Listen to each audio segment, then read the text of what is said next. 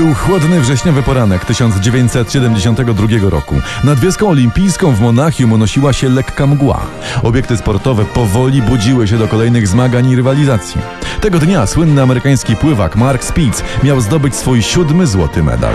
Titolo olimpico e primato del mondo per Mark Spitz 2-0-1 2-0-1 Mark Spitz ha ottenuto un tempo che ha del favoloso Monachium i Igrzyska roku 1972. Mark Spitz to z pewnością najwybitniejszy pływak. Zdobył 7 złotych medali. Takiego wyczynu w olimpijskiej historii nie dokonał jeszcze nikt. Ale kto mógł przypuszczać, że podczas tych igrzysk nastąpią tak tragiczne wydarzenia? Około wpół do piątej rano na trawniku przed budynkiem przy Konolisztrasse zamajaczyły sylwetki pięciu mężczyzn w sportowych dresach. Wszyscy nieśli w rękach duże oficjalne plecaki używane przez zawodników. Nadchodzili od strony wysokiego na 3 metry muru. Po kilku minutach znaleźli się przed wejściem do gmachu numer 31. Tam czekało na nich trzech ludzi ubranych w stroje obsługi technicznej igrzysk. Cała grupa powoli weszła na drugie piętro. Na korytarzach panowało milczenie. W budynku wszyscy jeszcze spali.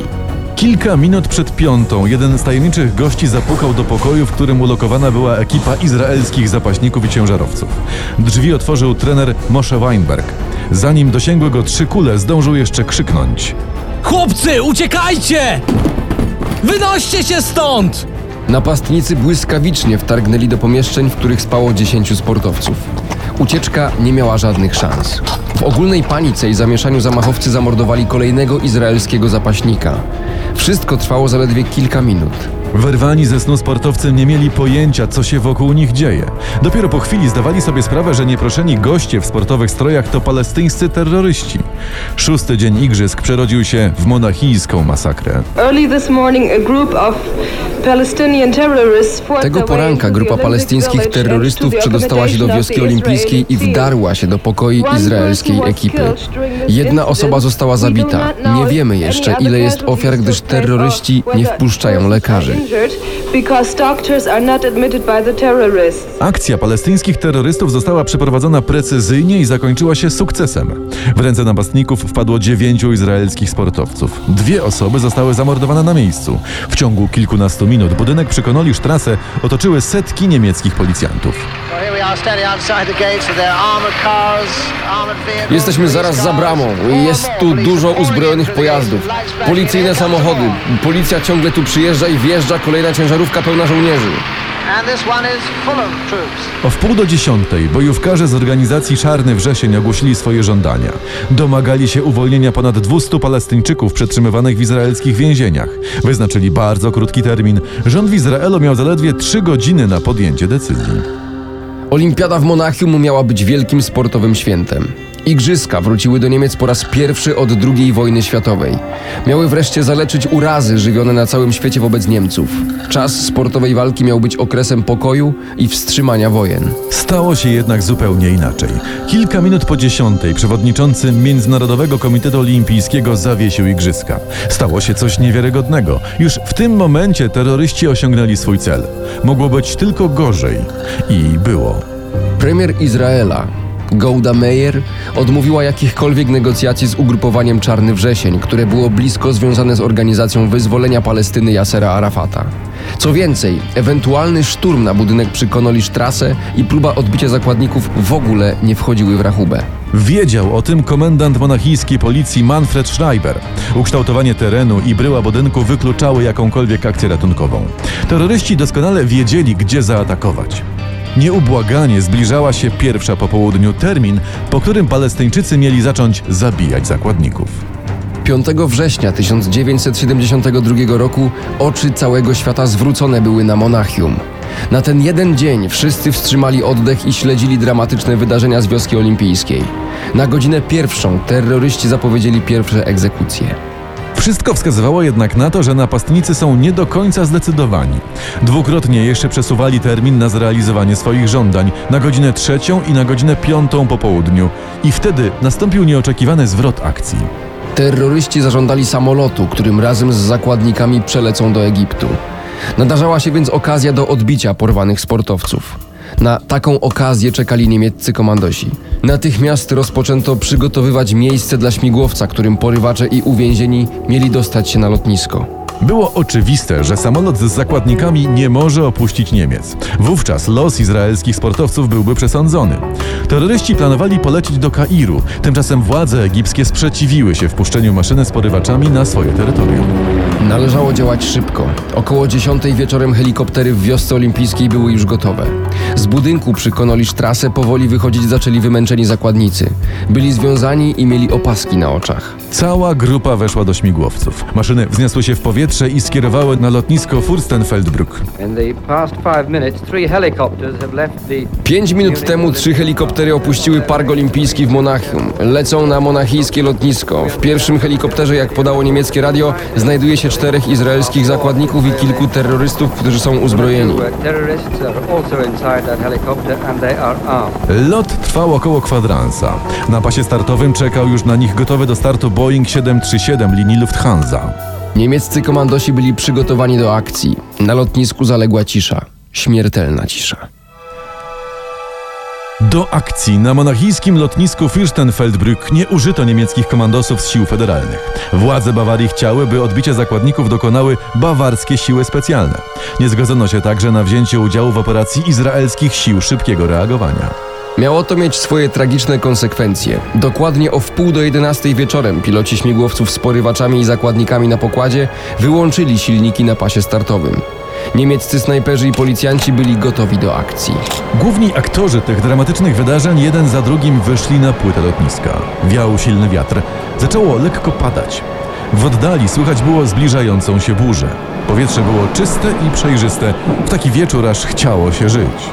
Prawdziwa zgroza ogarnęła dowodzącego akcją komendanta Schreibera. Porywaczy miało być pięciu, tymczasem na pasie stało ich ośmiu. Skąd wzięły się trzy dodatkowe osoby? Tego monachijska policja nie przewidziała. Gotowych do strzału było tylko pięciu snajperów. Sekundy biegły nieubłaganie. Między śmigłowcem a gotowym do lotu Boeingiem 737 było około 100 metrów. Część z zakładników siedziała jeszcze wewnątrz helikopterów, gdy rozległy się pierwsze strzały. Cała akcja miała potrwać kilka minut, ale stało się zupełnie inaczej. Gorszy scenariusz był nie do pomyślenia. Niemieccy snajperzy, którzy otworzyli ogień, fatalnie chybili. Złowroga cisza przerodziła się w jeden wielki huk strzałów i wybuchów. Sytuacji nikt nie kontrolował. W ogólnym zamieszaniu komandosi nie mieli pewności, czy strzelają do terrorystów, czy do zakładników. Planowano szybką akcję ratunkową bez strat. Wywiązała się regularna bitwa, z której nikt nie mógł wyjść żywy. Tak dramatycznego przebiegu akcji na monachijskim lotnisku nie spodziewał się nikt. Początkowa wymiana ognia trwała aż półtorej godziny. Ranni i zabici byli po obu stronach. Los zakładników był już przesądzony. Około północy niemieckie siły specjalne przypuściły gruntowny szturm na dwa śmigłowce, wokół których bronili się terroryści Czarnego Września. W powietrzu czuć było zapach krwi, słychać było jęki rannych. Komandosi byli coraz bliżej. Rozpaczliwie broniący się Palestyńczycy zdecydowali się na radykalne rozwiązanie. Do środka maszyn, w których chronili się izraelscy sportowcy, wrzucono kilka granatów. Śmigłowce eksplodowały. Efekt był porażający. Płytą lotniska na moment zatrzęsło. Poprzez dym i kurz nie było nic widać. Walka trwała nadal. Zdławienie oporu terrorystów było już tylko kwestią czasu. Nie miało to już jednak większego sensu. Wszyscy izraelscy sportowcy zginęli na miejscu. Nie uratowano ani jednej osoby. Misja była kompletnym fiaskiem, totalną porażką. Ostatnie strzały rozległy się kilkanaście minut po pierwszej. Potyczka trwała prawie trzy godziny. Lotnisko Fürstenfeldbrück wyglądało jak po przejściu tornada. Zginęło 15 osób, 9 zakładników, 5 porywaczy i jeden policjant. Rannych zostało kilkanaście osób. Wrażenie było okropne. When the two helicopters landed on the airport, it was uh, really darkness. This was the first uh, difficulty. Then the Arabs Kiedy dwa helikoptery wylądowały na lotnisku, było bardzo ciemno. To była pierwsza przeszkoda. Wtedy terroryści wzięli pilotów śmigłowców za zakładników i wyciągnęli ich na pas startowy. Jeden z terrorystów dostrzegł nasze przygotowania, więc nie mogliśmy czekać dłużej. Policja spróbowała strzelać do oprawców i wszystko się potoczyło tak, jak już podawaliśmy. and the police tried to shoot the terrorists, and then uh, the action began as you know. Na władzę w Monachium i w Bonn od razu posypały się gromy. Już pierwsze śledztwo wykazało, że niektórzy izraelscy sportowcy zostali prawdopodobnie postrzeleni przez niemieckie siły specjalne. Nie było pewności, gdyż ciała zakładników były spalone. Mimo takiej masakry podjęto decyzję o kontynuowaniu igrzysk. Dziennik The Los Angeles Times na pierwszej stronie krzyczał: To wygląda jak wesołe tańce w Dachau. 5 września 1972 roku w pamięci Izraela i Niemiec zapisał się bardzo krwawo. Był to jeden z najtragiczniejszych zamachów terrorystycznych w historii. Oliwy do ognia dolewał fakt, że do zwiększenia koszmaru przyczyniła się nieudolność niemieckich sił specjalnych. Kanclerz Niemiec Willy Brandt odpierał zarzuty, podnosząc, że winę za śmierć sportowców ponosi gabinet premier Goldy Meir, która wykluczyła rozmowy z porywaczami. Na długi czas między rządami w Bonn i Tel Awiwie wyrósł mur nieufności. Mimo to izraelski minister spraw zagranicznych zdobył się na te słowa. Wierzymy, że pokój jest na wyciągnięcie ręki. W kilka tygodni po tragicznych wydarzeniach kolejna grupa palestyńskich terrorystów porwała samolot linii Lufthansa, domagając się uwolnienia porywaczy z Czarnego Września. Żądania te zostały spełnione. Po raz kolejny zwyciężyła agresja i szantaż. W takiej sytuacji rząd Izraela powołał specjalną grupę o nazwie Komitet X. Jej celem było zamordowanie wszystkich terrorystów odpowiedzialnych za masakrę w Monachium. W skład jednostki weszli najlepsi agenci Mossadu. W ciągu dwóch lat żmudnych działań członkom Komitetu X udało się zlikwidować ośmiu wysoko postawionych palestyńskich działaczy, którzy brali udział w przygotowaniach do olimpijskiej operacji. Rząd Izraela do początku lat 90. negował istnienie tej specjalnej i tajemniczej superjednostki. Monachijskie wydarzenia pogorszyły i tak już beznadziejne stosunki izraelsko-arabskie. Bezsensownie śmierć poniosło 17 osób. Następnych zamachów terrorystycznych obawiali się wszyscy. Kolejna wojna na Bliskim Wschodzie wisiała w powietrzu. Bezpardonowy zamach na sportowców podczas Igrzysk Olimpijskich w Monachium przeraził cały świat. Do tej pory coś takiego było nie do wyobrażenia. Świątynię sportu szanowano wszędzie.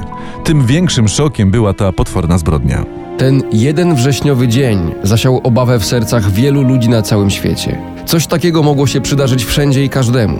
Monachium po raz kolejny zostało symbolem ludzkiej bezradności.